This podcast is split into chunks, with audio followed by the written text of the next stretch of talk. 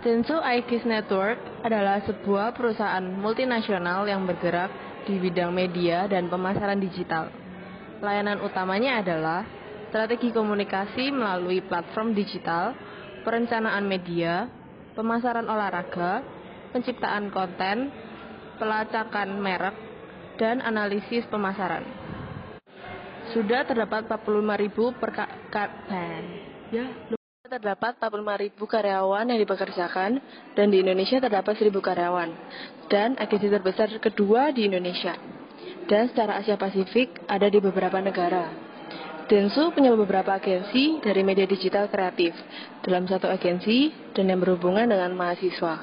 Salah satunya DNA, program untuk yang mau atau sudah lulus kuliah dan kelasnya diadakan tiga bulan yang berisi tentang dunia advertising dalam DNA mempunyai internal training yang bekerja sama dengan Google, Facebook, dan lain-lain.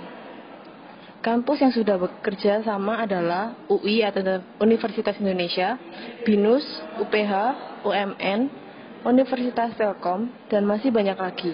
Juga melakukan studi visit. Kampus event supaya bisa searching future employee di DAN. Sebelum mengadakan event, ada kampus hiring. Dari setiap pemenang di kampus bisa jadi salah satu peserta atau karyawan DNA. Syarat memasuki DNA sendiri adalah yang pertama, fresh graduate, minimal IPK 3, dan positive attitude, serta antusias yang tinggi, dan memiliki performance yang baik. Juga dibantu dengan bahasa Inggris yang memadai. Benefit dari masuk ke program DNA yang pertama, kita dapat terbuka untuk semua jurusan dan dapat dimentori oleh satu, salah satu orang yang memberi sesi selama satu bulan. Sesi mana yang baik dan sesi mana yang tidak. Kemudian, mereka juga akan diberikan gaji UMR sesuai dengan yang ditentukan di Jakarta. Kemudian mendapatkan experience di dalam maupun di luar, seperti dikirim ke Google dan vendor-vendor lainnya. Kemudian di dalam Densu sendiri terbagi menjadi beberapa divisi. Yang pertama ada divisi Densu X.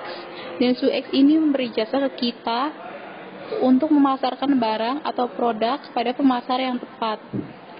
Salah satu brand yang pertama kali mengeluarkan iklan adalah AT&T yang mengkomunikasikan bahwa komunikasi bisa membuka cakrawala dunia dengan iklan yang mereka buat. Pengguna internet sudah tidak bisa dibendung lagi. Adopsinya sangat cepat, mulai dari umur 13 sampai 55 tahun dan pengguna terbesar adalah umur 18 tahun sampai 40 tahun yaitu usia milenial. Smartphone jadi request utama dan terbesar untuk akses internet dan influence-nya akan lebih cepat. Sosial media membuat konsumen jadi khawatir atau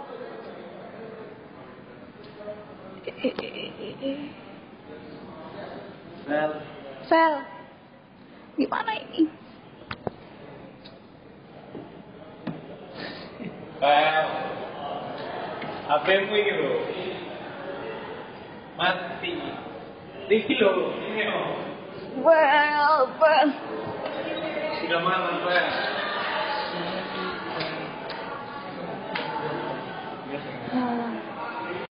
Sosial media membuat konsumen menjadi khawatir atau takut atau FOMO atau fear of missing out atau tidak mau ketinggalan. Sifat-sifat ini muncul karena orang takut ketinggalan tren yang ber, yang beredar saat ini. Experiential economy menunjukkan bahwa orang-orang ingin pamer experience seperti saat mereka datang ke cafe, ke private island, dan lain-lain. Kemudian, tren kedua adalah orang-orang hidup lebih sehat sekarang sehingga pemberian obat dan rokok menurun di kalangan muda. Dan semua ini menyebabkan perubahan konsumsi konsumen, oleh karena itu dibutuhkan disruption. Disruption adalah brand yang harus sadar bahwa produknya ini sedang didistruksi dengan adanya peningkatan internet di Indonesia. Brand tersebut harus tahu bahwa bisnis di Indonesia sedang berada di tingkat disrupsi.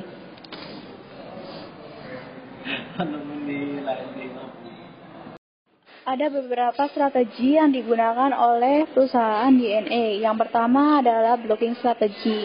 Blocking strategi ini adalah percaya diri dengan produk yang dimiliki dan ingin tetap menjual produk tersebut. Contohnya adalah Garuda Indonesia. Garuda ketika memasuki Traveloka atau tiket.com, ia merasa harga tidak bisa bersaing, maka dia memblok kedua aplikasi tersebut dan membuat e-commerce sendiri. Yang kedua ada milk strategi. Milk strategi ini mengambil profit sebanyak-banyaknya dari pebisnis. Contohnya adalah Unilever. Produk lain tidak dipromosikan dan ia lebih memikirkan strategi lain untuk mendistribusikan barangnya terlebih dahulu. Yang kemudian, yang ketiga ada invest in distribution model. Untuk model ini tidak hanya bisa menjual koneksi atau internet saja, akan tetapi pengguna alat komunikasi di HP kita.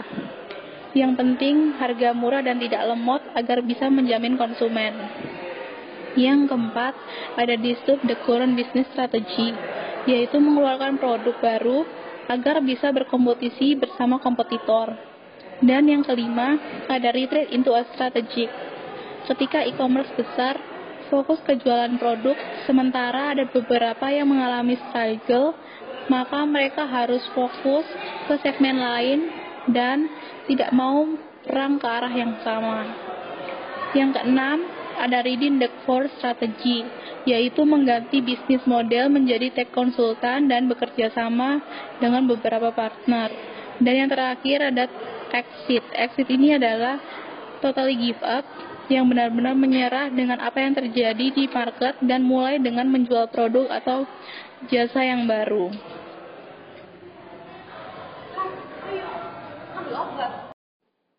Hal-hal yang perlu diperhatikan. Produk yang baik akan mendapat rekomend dari orang lain dan jika tidak, maka you need to transform your business. Kehilangan loyal customer, promotion untuk iklan udah gak ada yang selesaiin lagi dapat komplain dari hal-hal yang tidak nyambung dari produk atau servis yang ditawarkan. Teknologi sistem dianggap sudah kuno atau ketinggalan. Densu tersendiri terdiri dari beberapa konsentrasi bisnis. Yang pertama yaitu fokus target dari perkonsentrasinya yang berbeda-beda.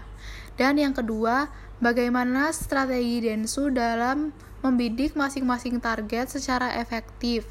Seperti misalnya masalah